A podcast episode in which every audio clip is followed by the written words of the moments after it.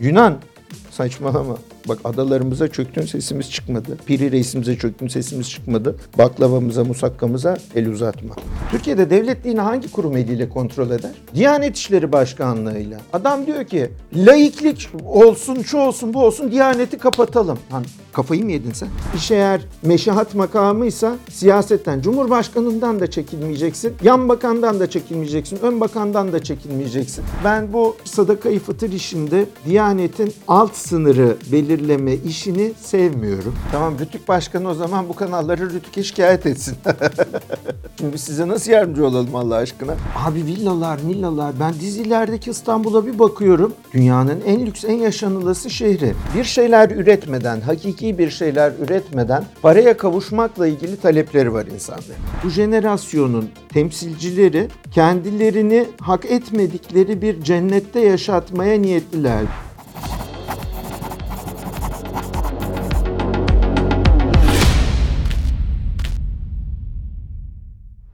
Hocam hoş geldiniz. Hoş gördük, hoş gördük. Merhaba. Nasılsınız? Efendim sağ olunuz, teşekkür ederiz. Ramazan-ı Şerif geliyor son artık 9 gün. Heyecanlıyız, mutluyuz, keyifliyiz. O gelirken sevinmek çok iyi bir şey, giderken üzülmek çok iyi bir şey. Onu öyle istikbal etmeli, öylece uğurlamalı. Bizden razı olsun inşallah. Ee, hocam ilk sorumla başlıyorum. Buyurun. Şimdi geçtiğimiz hafta ABD Hava Kuvvetleri'nde aktif görevde olan 25 yaşındaki Aaron Bushnell, İsrail'in Washington Büyükelçiliği önünde Filistin'deki soykırıma ortak olmayacağım diyerek üzerine benzin döktü ve kendini yaktı. Hayatını kaybetti. Hatta nefesi kesilene kadar da yani son e, canını verene kadar da Filistin özgürlük diye de bağırdı. Bayağı bir gündem oldu sosyal e, medyada da, dünya gündeminde de. Siz ne dersiniz hocam? Nasıl yorumlarsınız? Temenni edilmeyecek şeyler. Filistin davasını yüceltici bir hareket değil ama öyle gözüküyor ki Amerika içindeki vicdanın da bir makesi oldu. Bu bakımdan saygıyla iade edeceğimiz bir adam. Lakin şunu söyleyelim. Çok e, sağlıklı bir e, haleti ruhiye ile sağlıklı bir insanın yapabileceği bir şey değil. Politik aksiyonlar başka türlü de yapılır. Biliyorsunuz bizde de Asala terörünün zirveye çıktığı dönemde bir Ermeni vatandaşımız kendini yakmıştı. Bunu protesto etmek için vefat etti o da sonra hastanede. Ben bu tarz şeylerin politik aksiyon olması itibariyle ses getirici şeyler olduğunu düşünüyorum. Fakat politika insaniyetin önüne geçmemeli. Yani evet Gazze'de çoluğumuz çocuğumuz ölüyor, yanarak ölüyor. Allah rahmet eylesin, ferahnak olsun inşallah kabirlerinde hepsi bir cümlesi. Biz onlarla üzülüyoruz. E, Ve lakin bir böyle bir politik aksiyonun insaniyetin önüne geçmesi ve 25 yaşında bir adamın kendisine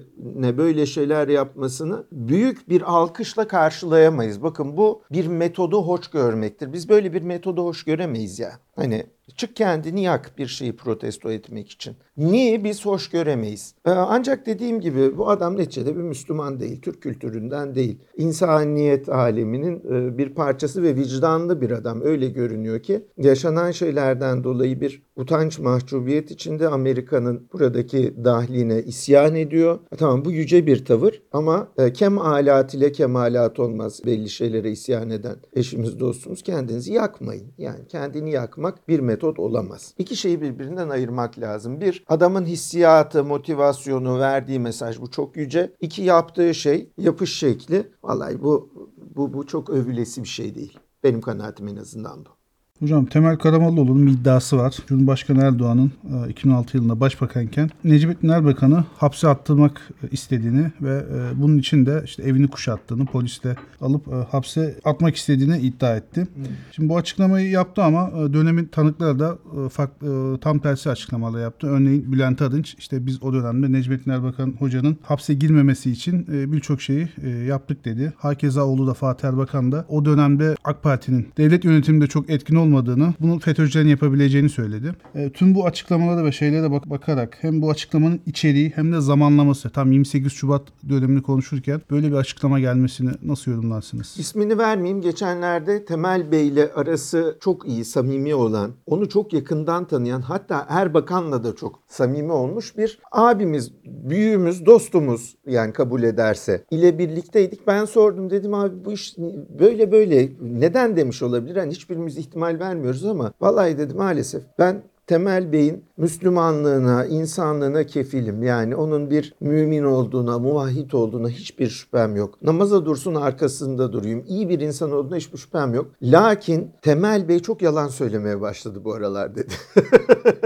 İkincisi şöyle bir şey söyledi. Temel Bey henüz genel başkan değilken, partinin genel başkanı değilken arada sırada Milli Gazete'ye gelir o dönemde. Ya arkadaşlar bu AK Parti'ye bu kadar yüklenmeyin. Onlar da bizim kardeşimiz. Yani çok sert şeyler yazıyorsunuz. Onlar da bilmediğimiz, tanımadığımız adam değil, kötü insanlar değil. Bu kadar sert yüklenmeyin derdi. Ne zamanki genel başkan oldu, yazı işleri müdürünü ikide bir arayıp ya bu nedir bu kadar biraz daha tonu yükseltin, sertleştirin böyle olmaz demeye başladı. Dedi bu abim. İsmini vermiyorum müsaade almadığım için ama delikanlı adamdır. Yani yarın bir gün bir yerde gündeme gelirse söyler diye tahmin ediyorum. Dolayısıyla Sayın Karamollaoğlu oturduğu koltuk itibariyle maalesef ben Sayın Temel Karamollaoğlu'nu tanımam. Abimin şehadetiyle bir Müslüman muvahhid olduğuna ben de inanırım. Çünkü söyleyen adam bir muhbiri sadık. İyi insan olduğuna da inanırım. Fakat şuna da inanırım o söylediği için. Yani Temel Bey oturduğu koltuk itibariyle şirazesiz hareketler yapmaya başladı ve maalesef çok yalan söylüyor. Ya inanırım ama dediğim gibi ben, bunu ispat edemem. Ama yalan iyi bir şey değil Temel Bey. Böyle bir şey yapıyorsanız gerek yok ya. Gerek yok. Başka yerden vurun yani. Hocam dizi izler misiniz? Hiç izlemem. Televizyonum yok benim. Benim hiç televizyonum olmadı Onur abi. Sevmiyorum yani şeyi sevmiyorum. Televizyon konseptini sevmiyorum. Çünkü televizyonun şöyle bir özelliği var. Senin ne izleyeceğine karar veriyor. Düşünsene yani bir lokantaya gidiyorsun. Ne yiyeceğine o karar veriyor. Yani bu saatte buraya gelirsen şunu yiyebiliyorsun diyor. Ne neden neden böyle bir şey mi olsun? Doğru hocam haklısınız.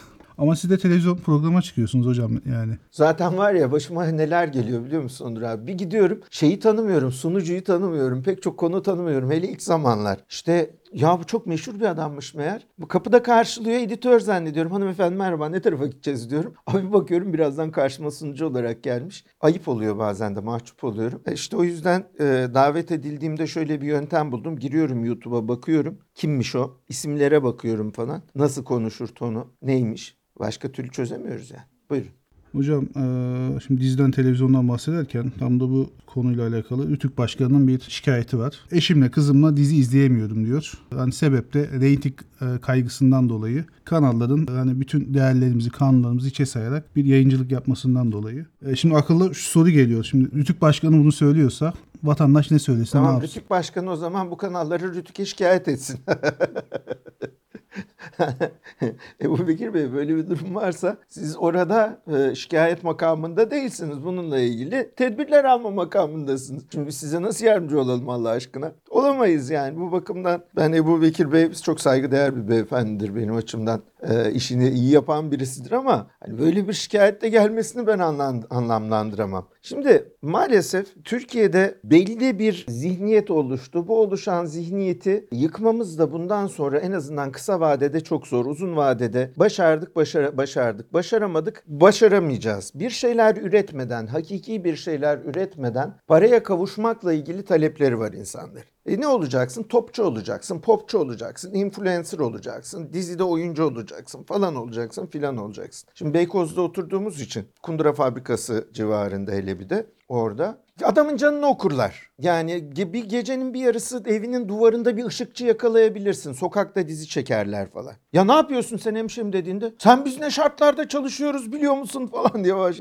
Bana ne kardeşim ya? Bana ne? Yani gören de demir çelik fabrikasında dökümcü zanneder. Ya ne yapabilirim yani? Şimdi bu kendine ait bir dünya ve sektör oldu. Tamam Allah yardımcıları olsun. Şeyim yok yani küçümsemiyorum adamların yaptığı işi ama öyle bir şey yapılmaya başlandı ki bir sanal dünya oluşturalım. Dizi dünyası. Bunu ihraç edelim. Güzel. Dünyanın pek çok yerine ihraç ediliyor. Şimdi ben bir ara düşünüyordum ya bu Türk dizilerini niye bu kadar önünü açtılar acaba diye. Hani Türk dizilerini bir de Mahsun Kırmızıgül'ün dizileri oluyor. Biliyorsunuz Mahsun Kırmızıgül hiç kompleksiz bir adam olduğu için Mahsun Kırmızıgül kompleksiz bir adamdır. Her filminde ya profesördür, ya zengin iş adamıdır, ya derin bir entelektüeldir, ya filozoftur. Böyle şeyler. Bir de Microsoft'ta falan çalışır böyle bizim Microsoft dediğimiz şey. Hiç kompleksli bir adam değildir yani. O bakımdan ben ona bir şey söylemek istemem. Abi villalar, millalar. Ben dizilerdeki İstanbul'a bir bakıyorum. Dünyanın en lüks, en yaşanılısı şehri. Memleketi, Türkiye'yi bir cazibe merkezi kıldılar bunlar. Üçüncü dünya için. Ondan sonra bu göç nedir? Şikayet edenler de o dizilerin yapımcıları, oyuncuları falan. Yani siz yapıyorsunuz bunu. Siz yapıyorsunuz. Burayı bir cazibe merkezi kılıyorsunuz. Öyle sanal, öyle gerçek olmayan bir İstanbul gösteriyorsunuz ki. Böyle bir yer değil. İstanbul'dan doğduk büyüdük işte bizim şehrimiz yani. Sur içinde doğduk, sur içinde büyüyoruz. Yok böyle bir şey ya.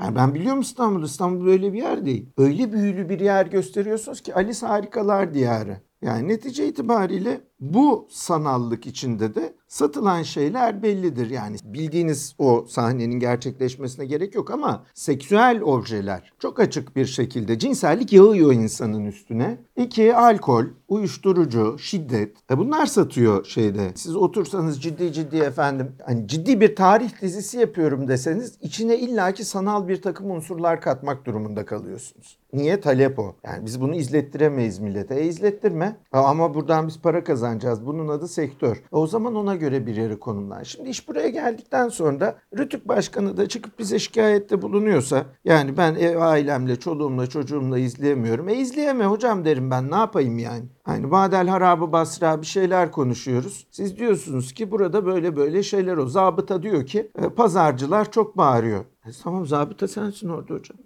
Zabıta sensin yani. Bizim üniversiteye İranlı bir arkadaş gelmiş kız. Ee, üniversitede okuyordu bizim sınıfta. Kendisi Türkiye'yi Aşkı Memnu dizisini izleyerek öğrenmiş. O hayalle geliyor. Ve sınıfa geldiğinde çok farklı kombinlerle, elbiselerle gelirdi. Bir gün kendisine hani bunu sorduğumuzda neden böyle geliyorsun, e, şey yapıyorsun diye. e, Şunu demişti ya ben dedi Aşkı Memnu'yu izledim. Böyle görüyordum, böyle olacağını zannediyordum diyor. Hmm. Herkes yengesine, kuzenine falan bir şeyler. Vallahi çok başarılı diziler var. Mesela ben televizyonum yok ama oturup gerçekten eğlenerek, keyif alarak izlediğim diziler oldu. Bunlardan bir tanesi Ekmek Teknesi. Ekmek Teknesi gerçek midir, değil midir? O da fazlaca iyi ve güzel bir şeyler ama biz bunu gördük. Görmediğimiz bir yerden bir hikaye değil ekmek teknesi. Yani mesela oradaki Fırıncı Nusrettin Efendi'nin bir şeyin iz düşümü olduğunu biliyorum ben. Yahut orada bir meczup var Vefa Efendi o bir başka adam. Kirli var başka bir adam. Yahut Cengiz var Asalaklar Kralı. O bir başka adam. Şimdi bu sana gerçek bir yerlerden bir masal anlatıyor. Ve çok hoşuma gidiyordu. Oradaki her figür bir şekilde gerçekti. Yahut ne bileyim yine çok hoşuma giden şeylerden birisi e, gülüyordum da yani Avrupa yakasına gülüyordum ben. İzliyordum da o dönem ne estiriyordu yani. Çok izleniyordu Avrupa yakası. Gülse Birsel çok iyi iş yapıyordu. Buradaki bütün figürler bir şekilde ha, hayatınızda görebileceğiniz mübalağasıyla tabii darasını alıyorsunuz onu. O darasını aldıktan sonra böyle figürlerdi. Bir de sitcom olduğu için yani böyle çok hayal satmıyor size. Fakat abi onun haricinde bir şey gösteriyorsun. Mesela bu dizide Kanuni Sultan Süleyman oynadı ya bir tane adam var. Adı neydi adamın? Halit Ergenç. Bu Halit Ergenç bundan evvelki dizisinde bir kadınla birlikte olmak için bir geceliğine 100 bin dolar 500 bin dolar mı bir para veriyordu. Bin bir gece masallarım bin bir gece evet. Şimdi tam gezi zamanı o böyle sakalla makalla kanuni olarak çıktı İstiklal Caddesi'ne ya. Dedim ki bir geceliğine dedim 500 bin dolar veren adamı kanuni yapıp devletin başına getirirsen bir ağaç için memleketi yakar. Yakar yani. Bak mesela Leyla ile Mecnun'u da çok seviyordum. Leyla ile Mecnun ah geziye kurban giden projelerden bir tanesi oydu. Ulan ne kafasız adamlar var memlekette yani. Hocam Kurtlar Vadisi'ni izlediniz mi hiç? Kurtlar Vadisi'nin o ilk zamanını biraz izledim. Vallahi değişikti de yani şeyi hoşuma gitmiyordu çok böyle. Adam giriyor pat pat pat pat ah ah ah ah düş düş düş düş düş düş düş düş hoşuma gitmiyordu bu kadar seri adam öldürülmesi. Bıraktım ondan. Hocam CHP milletvekili Hasan Öztürkmen halifeliğin kaldırıldığı tarih olan 3 Mart'ın laiklik günü olması için meclise kanun teklifi sundu. Dünya kızarmış patatesi mayonezsiz sevenler günü bile var biliyorsunuz. İşte 22 Ekim Dünya pat kızarmış patatesi mayonezle yemeyenler günü. Böyle saçma sapan yok Dünya Türk kahvesi günü, Dünya sandalyede dönenler günü. Böyle saçma sapan. Laiklik günü ilginç bir biçimde evet bu laiklik gününü koyalım bunlar da o gün şey yapsınlar. Onlara e, oyunlar, şenlikler düzenleyelim. Şimdi hilafetin kaldırılmasıyla laikliğin ne alakası vardır diyenlerden değilim elbette. Yani o ikisi birbiriyle direkt alakalı ama çok müspet bir şeyden mi bahsediyorsun? O tarzda bir laiklikten bahsederken dersen vallahi hiç bir şeyden bahsetmiyoruz. Laikliğin ne olduğunu sorsan o Rıza Öz bilmem ne bilmez. Din ile devlet işlerinin birbirinden ayrılması der. Sokaktaki adamın tarifi basit ve cahilce bir tanımdır. Laikliğin tarifi bu değildir ki. Laiklik devletin dini konu kontrol edebildiği çeşitli kurumlar eliyle seküler sistemin adıdır. Yani dünyada zaten laik devlet sayısı kaçtır? Tahmin edin. Yani dünyadaki devlet sayısını biliyorsunuz. 200'e yakın devlet var. Kaç devlet laiktir? Hocam herhalde 3-5 tane vardır. 3-5 değil canım o kadar da değil de. O kadar değil mi? Yani yoruma göre 14 de diyebilirsin 17 de diyebilirsin. Yani Kuzey Kore de laik. Bayağı laik yani. Ee, Fransa sayalım. Fransa, Tunus, Türkiye, Portekiz, Arnavutluk ve diğer tarafa bakıyorsun Hindistan, Yeni Zelanda, işte Kuzey Kore. İşte böyle bu ülkeler yani. Almanya laik mi? Değil. Fransa laik Avrupa'da. Avusturya laik mi? Değil. Yani İsveç, İngiltere şu bu falan filan laik mi? Değil. Amerika zaten değil. Kanada değil. İtalya değil. Böyle çok yücelttikleri bir laiklik var ya. Ha, Türkiye nasıl laiktir? Yani bunlar neden bahsettiklerini de bilmiyorlar. Dedik ya devletin dini kontrol edebildiği seküler sistem. Türkiye'de devlet dini hangi kurum eliyle kontrol eder? Diyanet İşleri Başkanlığı'yla. Adam diyor ki Türkiye'de laiklik olsun, şu olsun, bu olsun, Diyaneti kapatalım. Lan kafayı mı yedin sen? Yani istediğin şey öyle bir şey ki çorba içelim tenceremiz olmasın. Çaydanlıkta mı pişireceğim bunu? Çaydanlıkta da pişer icabında. Hani çaydanlık da olmasın. Saçmalamanın alemi yok. Neden bahsettiklerini bilmiyorlar. Dolayısıyla hani laiklikten bahseden adamların, laiklikle ilgili bu havarilikleri yapan adamların, laiklik, laiklik, laiklik diye kendilerini paralayan adamların genel olarak kendilerini neden bahsettiklerine ikna ettikleri bir ortamları var ama cehalet damlıyor paçalarından bir tarafıyla. Bir tarafıyla da bunlar genel olarak kahrolsun şeriat çetesidir. Kahrolsun şeriat diye bağıran haşa çetedir. Vallahi bunların derdi talebi laiklik laiklik değildir. Bunlar din karşıtıdırlar. Dine karşıt olmak bir şekilde te- tebcil edilecek bir şey değildir. Dünya ateistler günü. Dünya dine kar Olsun yani. Siz de öyle bir güruhsanız olun bak. Ona da saygı duyarım ben. Tolere ederim ama hilafetin kaldırılmasıyla alakası yok bunun canım. Başka bir gün bul buna. Ne bileyim Fransız ihtilal bul işte. Temmuz ayında kutla bunu. Hocam biliyorsunuz Ramazan yaklaşıyor. Diyanet de bu seneki fitse bedelini açıkladı. Evet. 2004, 2024 yılı için. 130 lira. Hani günümüz ekonomisini düşünürsek e, bir kişinin e, 130 liraya doyması, doyabilmesi mümkün müdür? Yani Diyanet'in verdiği bu rakamla ekonomik e, göstergeler uyuyor mudur? Ya mümkündür. 130 liraya doysan doyarsın mevzu değil. Karnını doyurursun da benim oradaki sıkıntım şu fitre ile ilgili şey. Bak birincisi Diyanet İşleri'ni ben seviyorum. Diyanet İşleri Başkanı Ali hocamızı seviyorum. İyi, gerçekten iyi ve işini iyi yapan bir kimse benim açımdan ve helal olsun. Yani dört okka bir adam. Ben Diyanet İşleri Başkanı dedim öyle bir adam isterim. Öyle ötekinin şey yok. Ankara Barosu bir ara eşcinselliği savunmak için suç duyurusunda bulundu hakkında falan. Eşcinsellik sapkınlıktır dedi. Helal olsun hoca. Kitabın ortasından konuş. Allah razı olsun. Biz sevmeyiz başka türlüsünü yani. İş eğer meşahat makamıysa siyasetten, cumhurbaşkanından da çekilmeyeceksin. Yan bakandan da çekilmeyeceksin. Ön bakandan da çekilmeyeceksin. Geleneğimiz bu. Meşahat böyle bir şeydir. Bak biliyorsunuz Osmanlı'da devri kanuniye kadar bir şeyhülislamı azledemezdiniz. Ve bir şeyhülislamın kafası kesilemezdi. Ne zamana kadar? 4. Murat. Hüseyin Efendi'yi idam ettirdi. Başka yok. Yani yapamıyorsunuz böyle şeyler. O kadar kudretlidir. Adam diyor ki bu caizdir, bu değildir. E bir de Ebu Suud Efendi ile geldiği bir nokta var o meşihat makamının. Çok kudretli bir yer orası. Şimdi bunun devamı bir Diyanet İşleri Başkanlığı var toplumsal algımızda. Ben dolayısıyla Ali hocamızı çok beğeniyorum. Çok takdir ediyorum uzaktan ve kendisine dil uzatanların da genelde saçmaladığını görüyorum. Yok kılıçla hutbeye çık çıkacak tabii. Çıkacak tabii. Çıkacak. Sahibi Seyf Peygamber Efendimizin orada Hayrül Halefi Efendimiz sahibi Seyf'ti yani. Peygamber Efendimizin elinde kılıç vardı.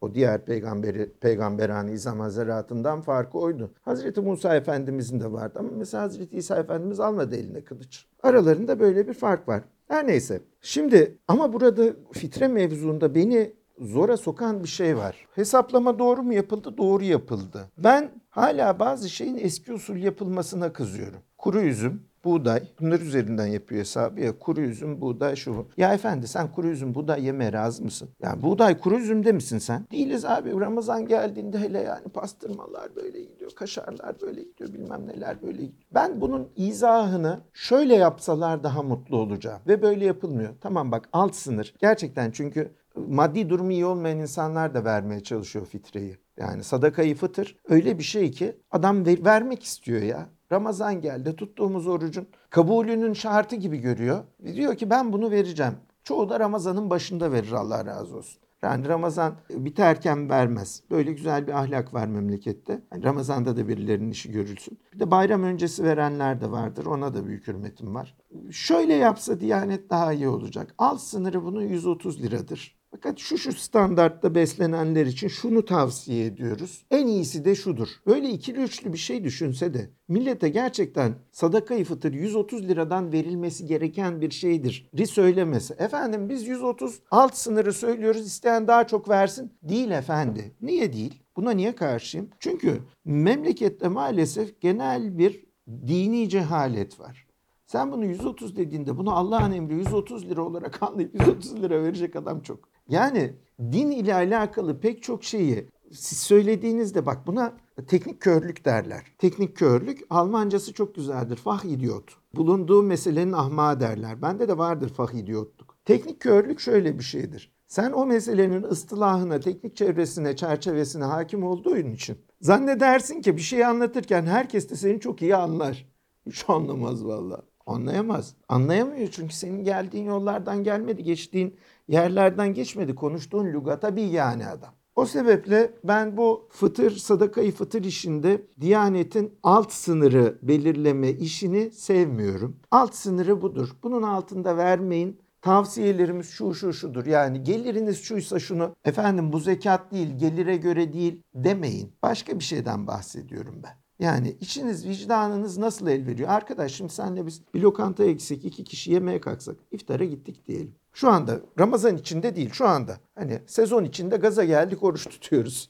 Üç ayları tutuyoruz. Oturduk bir yere iftar ettik. iki kişi kaç para vereceğiz? Vallahi bin lira para vereceğiz. Değil mi? Bin liraya yakın para vereceğiz. Efendi ona göre ver. Ona göre ver. Hocam Şarkıcı Nef Evet. Antalya'da e, bir konsere çıktı. Evet. Ancak e, konsere e, alkollü çıktı ve vatandaşlardan da büyük tepki aldı.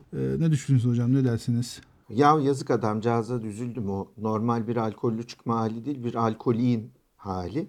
Şunu biliyoruz yani sanatkarlar, sanatçılar keyif veren maddeler kullanırlar. Bunların bir kısmı alkol kullanır, bir kısmı başka şeyler alır sahneye çıkmadan evvel. Hani bu tarihte ilk defa başımıza gelmiş bir şey değil ama burada gördüğümüz şey bir başka. Adamcağız alkolik olmuş. Şimdi Tanju Okan mıydı o rahmetli? O da alkollüydü değil mi Tanju Okan? Zaten şarkısı da şeydi benim en iyi dostum içkim sigaram. Onlar da terk ederdi olmasa param gibi. Şimdi burada e, bu Nevin yaşadığı durumu e, durup düşündüğümüzde müzik camiasında bir iki kişiyle konuşsanız, sohbet etseniz bu adamın düştüğü durum nedir diye size aşağı yukarı şöyle şeyler söyleyecek. Medyada da çok vardır bu arada bu durum ha. İşte benim kıymetim bilinmedi. Ben aslında şöyle kıymetli müzisyenim, böyle kıymetli müzisyenim, böyle büyük adam olmalıydım. Şöyle olmalıydım. Ah fırsat vermediler. Şu benim yaptığım besteleri yapabilecek adam mı var? Benim sanatımı bir türlü anlamadılar. Bu adamı bir yerden sonra bir inkıraza sürüklüyor. Medyada da var dediğim gibi yani medya sektöründe de ah ulan baksana ben ne işler yapıyorum ne adamlar nerelerde. Millet birbirinin arkasından çok konuşur bu alanlarda. Hani şey gibi değil bu futbol gibi değil. Futbolda az çok bellidir yani performansa bağlıdır belli işler. Bu daha azdır. Yani ben daha iyi bir futbolcu olabilirdim ama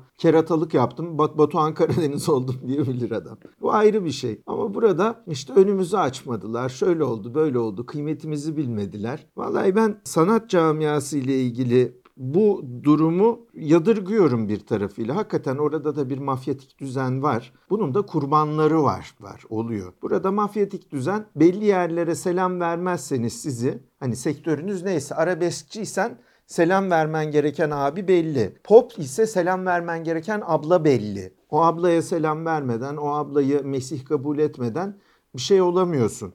Yahut onların kokain partilerine katılmadan kimdir o abla ne bileyim ben. Yani bilirim de şimdi neye söyleyeyim ben. Abi bu bakımdan böyle haksızlıklara uğramış adamlar vardır ama tamam sen haksızlığa uğramış bir adamsın. Kendinde böyle hissediyorsun. Böyle bir düşmüş durumda da hissediyorsun. E bir adam o gün çıkma sahneye yani çıkmadan evvel de içmeyi ver biraz yani. Bu kadar mı alkoliksin? Yazık. Üzüldüm ben. İzledim üzüldüm. Şimdi hocam e, birçok sosyal hani genel demeyelim ama bazıları sosyal medya fenomenleri. Şimdi bunların bazıları müstehcen içerik e, çekip bu yolla para kazanmaya çalışıyorlar. Belli başlı sitelere bunları yükleyip bunları e, yayınlayarak. Gözaltına al- alınanlar oluyor bunların içinden bazıları. Daha sonrasında serbest bırakılıyor. Kimisi e, işte 100 bin dolar kazanıyorum ama bana yetmiyor deyip yurt dışına giden var. İngiltere'ye, Dubai gibi. Bunu nasıl yorumlarsınız hocam? Nasıl bakmak lazım bu olaya? Bu olaya bakmamak lazım. bu olay saçma sapan bir şeydir. Şimdi demin de bahsettik ya sanal bir refah içinde yaşıyorlar. Hiçbir şey üretmeden para kazanmak durumundalar. Biz bu adamlara borçluyuz yani. Böyle bir şımarıklık var. Vallahi maalesef bu bir jenerasyonun ahlakı haline geldi. Talebede de görüyorsunuz bunu. Yani derse gelmem, ders çalışmam, sınavda hoca not vermiyor. Niye vermiyor efendi? Aslında her şeyi de yazdım. Vallahi her şeyi de yazmıyorsunuz. Size söyleyeyim. Sınav kağıtları elimde. Her şeyi de yazmıyorsunuz çocuğum. Ama orada işte kimi hoca bunu başka türlü değerlendirir. Ben notla ceza vermeyi seven bir adem değilimdir. Vermem, bol tutmaya çalışırım. Ha bu da iyi bir şey midir, kötü bir şey midir? Hani aa bak ben çok iyi adamım anlamında söylemiyorum.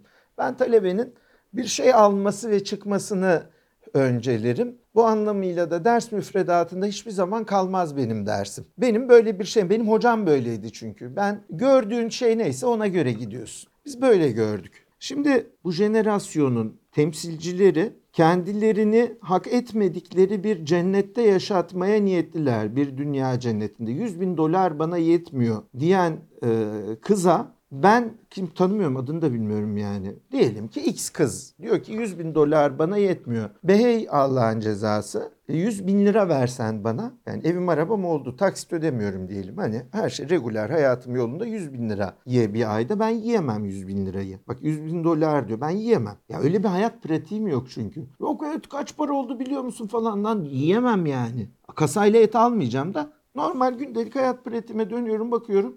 100 bin lirayı bitirebilir miyim? Bitiremem. Bitirebilecek olan varsa ben ona başka bir şey söylerim. Arkadaş normal şartlar altında orta sınıf bir Türk böyle yaşamaz. Evinde bazen makarna pişirir, mercimek pişirir. Bazen pirzola pişirir, bilmem ne pişirir Allah verdiyse. Bazen balık yer, bazen ıspanak yer. Ispanağına da yoğurt koyar falan. E şimdi yani mutfağımız belli. Gündelik ihtiyaçlarımız belli. E yaptığımız ettiğimiz iş belli. Eğer diyorsan ki benim yaptığım iş açısından 100 bin lira bana yetmiyor. Masrafım fazla demek ki o işin sana 100 bin liradan daha büyük bir getirisi var ki o kadar harcıyorsun. E demek ki bu işe ait bir gider. Neyse şimdi burada beni alakadar eden şey şu. 100 bin dolar bana yetmiyor aylık diyen bu adam kız kimse yani. E, yahut hermafrodit nedir bilmiyorum bu paraları kazanabileceği şey bellidir aşağı yukarı. Yani helal yoldan kazanmayacağı belli. Fabrikatör müsün? Değilsin. Ha, ne yapıyorsun sen? İşte influencer'ım, influen Allah'ın cezası yani. Bir de bunlar çıktı başımıza bela gibi. Influencer'ım gidip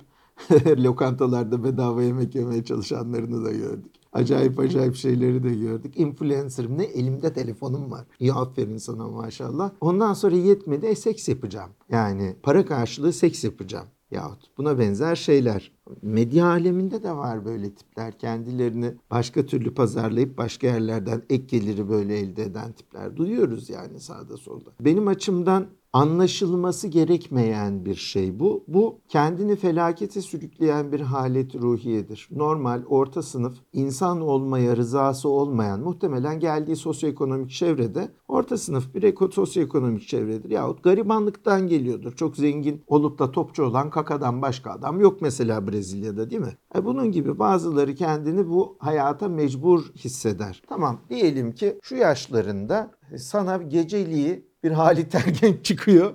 Şu kadar para veriyor. Ya Halit Ergenç'i çok sevmiş, ondan ilham almış. Göklerden indiği sanılan kitaplardan değil de ilhamını Halit Ergenç'ten almış. Abiler çıkıyor. Sana böyle böyle paralar veriyor bir geceliğine. Ya yarın bir gün üstün başın pörsüdüğünde sana o parayı vermeyecekler kızım en azından normal 3 kuruşa yaşayabilme ile ilgili hayat pratiğini kaybetme. Yoksa yarın bir gün overdose'dan ya altın vuruş yapacaksın uyuşturucuyla gideceksin ya bir köprüden atlayacaksın ya e, kenar mahalle pavyonlarına düşeceksin falan filan bir şey olacak. Normal yaşa ya. Normal yaşa. Yani bu kadar anormal yaşamanın 100 bin dolar ayda bana yetmiyor. Yani şurada söylese burası az ileride metrobüs durağı var ya Allah rızası için döverler adamı ha. Bana ayda 100 bin dolar yetmiyor deseler millet Allah rızası için döver adamı. Ya ne diyorsun kardeşim sen kafayı mı yedin üşüttün mü? 100 bin dolar bana yetmiyor. Nesin sen ya? İran prensesi misin? Ya ne istiyorsun yani? Nedir size borcumuz? Bitmeyen bu borcumuz. Yok öyle bir para.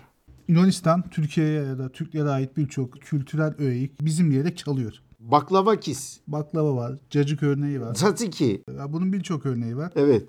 e, en sonunda Piri Reis'in şey, Yunan olduğunu söylediler ve onu çalmaya çalıştılar. Olabilir. Yunanistan'da bu şey neden var hocam yani? Ne var? Barbaros Hayrettin Paşa dedemizin anası Rum mesela yani. Hani bu Osmanlı milletler sisteminde karşılaşılmadık bir şey değil ki. Ben daha beter Arnavutlardır ya. Arnavutlar Hazreti Adem'in Arnavut olduğunu iddia eden Arnavutlar var ya. Mesela Mimar Sinan'ın Arnavut olduğunu falan iddia eden adama denk geldiğim için ben. Ya Kayseri Ağırnaslı. Ağırnaslı Sinan adı yani. Onun Arnavut olduğunu falan. Vallahi bu tarihte girmiş oldukları parantezlerde biliyorsunuz Yunanistan uzun süre bir millet değildi. Yunanistan diye bir millet yoktu. Zaten 19. yüzyılda icat edildi. Onlar Rum'dur. Onlara Yunan denmesi kendilerini antik Yunan'a hamletmekten dolayı antik bir icat buldular. Onların adı Rum. Grek değil yani. Hellas. Çok sonradan buldular onu. Onu da ispat etmeye çalışıyorlar. Ha, senin de etnik olarak sen ulahsın. Etnik olarak Arapsın sen. Pek çok Arap yaşar yani Yunanistan'da etnik olarak Ortodoks Araplar Yunanlaştılar. Kürt bile var. Yani öyle milletler Ermeni var falan var filan var. Şimdi sen ben Aristoteles'in torunuyum diye geziyorsun sağda solda ya öyle olmadı hepimiz biliyoruz yani. Şimdi Osmanlı milletler sistemi için öyle paranteze girdi Yunanlılar ve diyor ki biz o kayıp arada da bir şeydik yani hiçbir şey değildik değil. Hani Aristo ile aramızdaki o boşluğu biz başka şeylerle doldurduk. Piri Reis Yunan mıdır değil midir? Ben bilmiyorum Piri Reis de, merhumun e, nesebini. Ama dediğim gibi mesela Barbaros Hayrettin Paşa'nın anası Rum. Ya pek çok Osmanlı padişahının anası Rum. Yani öylesi Osmanlı padişahı da Rum'dur. Ermeni var. işte Sırp olan var. Var oğlu var. Fatih Sultan Mehmet'in analığı olmuş. Yani Sultan II. Murad'ın haremi bir Sırp prensesi olarak Fatih Sultan Mehmet'in analığı olacak kadar değerli olmuş onun gözünde. Yani bu Osmanlı sisteminde herhangi bir şekilde kabul edilmeyen, reddedilen bir şey değil. Bunu kabul eder Osmanlı. Valla döneriz bakarız ondan sonra bizdendir deriz. Bize hizmet etmiştir deriz. Hiçbir şekilde etmeyiz. İşte biliyorsunuz yani Piri Mehmet Paşa, Koca Mehmet Paşa, Karamani Mehmet Paşa e, da derler. Son Türk veziri azam, ondan sonraki veziri azamlar Makbul İbrahim Paşa ile başlayan süreç. Yani Makbul İbrahim Paşa'dan sonra Ayas Mehmet Paşa, ondan sonraki damat Lütfi Paşa, ondan sonraki Hırvat Rüstem Paşa, damat Rüstem Paşa, Kara Ahmet Paşa falan. Sonra Sokollu Mehmet Paşa. Hiçbiri Türk değil bunların. Çoğu ekserisi Balkan. Lütfi Paşa Arnavut. Damat İbrahim Paşa yani ya Rum ya İtalyan. Karışık orası biraz. Ayas Mehmet Paşa'ya geliyorsun Arnavut. Bu taifeye dönüyorsunuz, bakıyorsunuz. Hiçbirisi de bunların benim milletim, milliyetimdir, budur diye ortaya çıkamamız. Çıkarttırmazlar adamı zaten bu dönemde. Mehmet Paşa Sokoloviç. Sırbistan'daki adı bu. Sokollu Mehmet Paşa'mız değil mi? Mehmet Paşa Sokoloviç. Bir papazın oğlu. Papazın oğlu. Hatta kardeşini, kardeşi de papaz, kardeşini başpiskopos yapıyor. Böyle bir adam. Şimdi e, tutsa da Sırplar dese ki Mehmet Paşa, Sokollu Mehmet Paşa Sırp'tı. Doğru. Devşirme sistemi bunun adı. Doğru. Sırp'tı ama Türk'tü. İnanmıyor musun? Gel ben seni azap kapıya bir götüreyim Sokollu Mehmet Paşa Cami. Ya şehit Mehmet Paşa Camii'ne bir götüreyim de gör. Mehmet Paşa Sırp mıymış, Türk müymüş? Etnik olarak Sırp ama Türk oğlu Türk adam. Damat Lütfi Paşa o kadar müteşerri ki adam. O kadar müteşerri ki. O kadar sofu ki. Sofu Lütfi Paşa da diyorlar zaten. Sadrazamlık yapamadı adam. Damat olduğu halde yani zina yapan Müslüman kadının fercini da dağlattığı için makamından azledildi adam. O kadar müteşerri. Yok efendim biz şöyleydik böyleydik falandık filandık. E iyi tebrik ederim. Burada hiç kimse bu şeylere dönüp bakmaz. Sadece Osmanlı'ya mı mahsustur? Değildir. Avusturya Osmanlı savaşlarında bizi Belgrad'a kadar kovaladı Prince Eugen. Lothringen, von Lothringen derler. Nereli Prince Eugen? Avusturyalı mı? Yok. Fransız. Hatta 14. Louis'nin gayrimeşru çocuğudur diye şaya var hakkında. Yani Avusturya ordusuna hizmet ediyor. E şeyi boş ver. Pushkin var ya Rus yazar. Bunun dedesi Abraham. Adam Osmanlı tarafından devşirilmiş Habeş köleyken kaçırılarak Rusya'ya gelmiş. Çar'ın vaftiz oğlu olmuş. Ordunun içinde yükselmiş. Büyük entelektüel olmuş. Zenci bir dudağı yerde bir dudağı gökte zenci dedikleri. O zamanın haşa bizim zenci büyüklerimize hürmetimiz büyüktür. Bilal Habeşi radıyallahu anh efendimizin hemşerisidir. Hiç şüphemiz yok. Adam gelmiş buralara kadar gelmiş. Torunu Pushkin Rus edebiyatının zirvesine gelmiş. En yükseği olmuş. Şimdi dönüp baktığımızda Habeş bir adam çıkıp da Pushkin Habeş'ti dese lan saçmalama dersin yani. yani. Biz de buna saçmalama deriz. Piri Reis Urum'du. Ne yapalım yani? Hani kaçımız gerçek safkan Türküz? O Türkçülük dava edenlerin de kaçı safkan gerçek Türk? O milletler sisteminde biz nazi değiliz. Biz geldiğimiz yerde milleti ötelemeyiz. Elindeki zanaatı öğreniriz. Kızını alırız. Kız vermeyiz gayrimüslimse falan filan birlikte yaşarız yani. yani bu bakımdan bunlar saçma iftiharlardır. Piri reis alın sizin olsun ırken hiçbir şeyimiz yok. Cacığımızı dolmamızı sarmamızı bırakın ha saçmalamayın. Adam musakka bizim diyor ya dolma bizim diyor. Baklava bizim diyor. Baklava herkes bilir ki Halep işidir. Bir Osmanlı sancağı olan Antep de değil yani Halep aslında. Halep'ten çıkma bir şeydir. Şekerin icadı Suriye. Yani bu tatlıların çıktığı yer burası. Lan bizim toprağımıza ait, bize ait bir şeyi adam bayağı bildiğin temellük ediyor ya. O zevk için döveceksin ha. Yunan saçmalama. Bak adalarımıza çöktün sesimiz çıkmadı. Piri reisimize çöktün sesimiz çıkmadı. Baklavamıza, musakkamıza el uzatma. Eyvallah hocam. Ağzınıza sağlık. Eyvallah. Haftaya görüşürüz inşallah.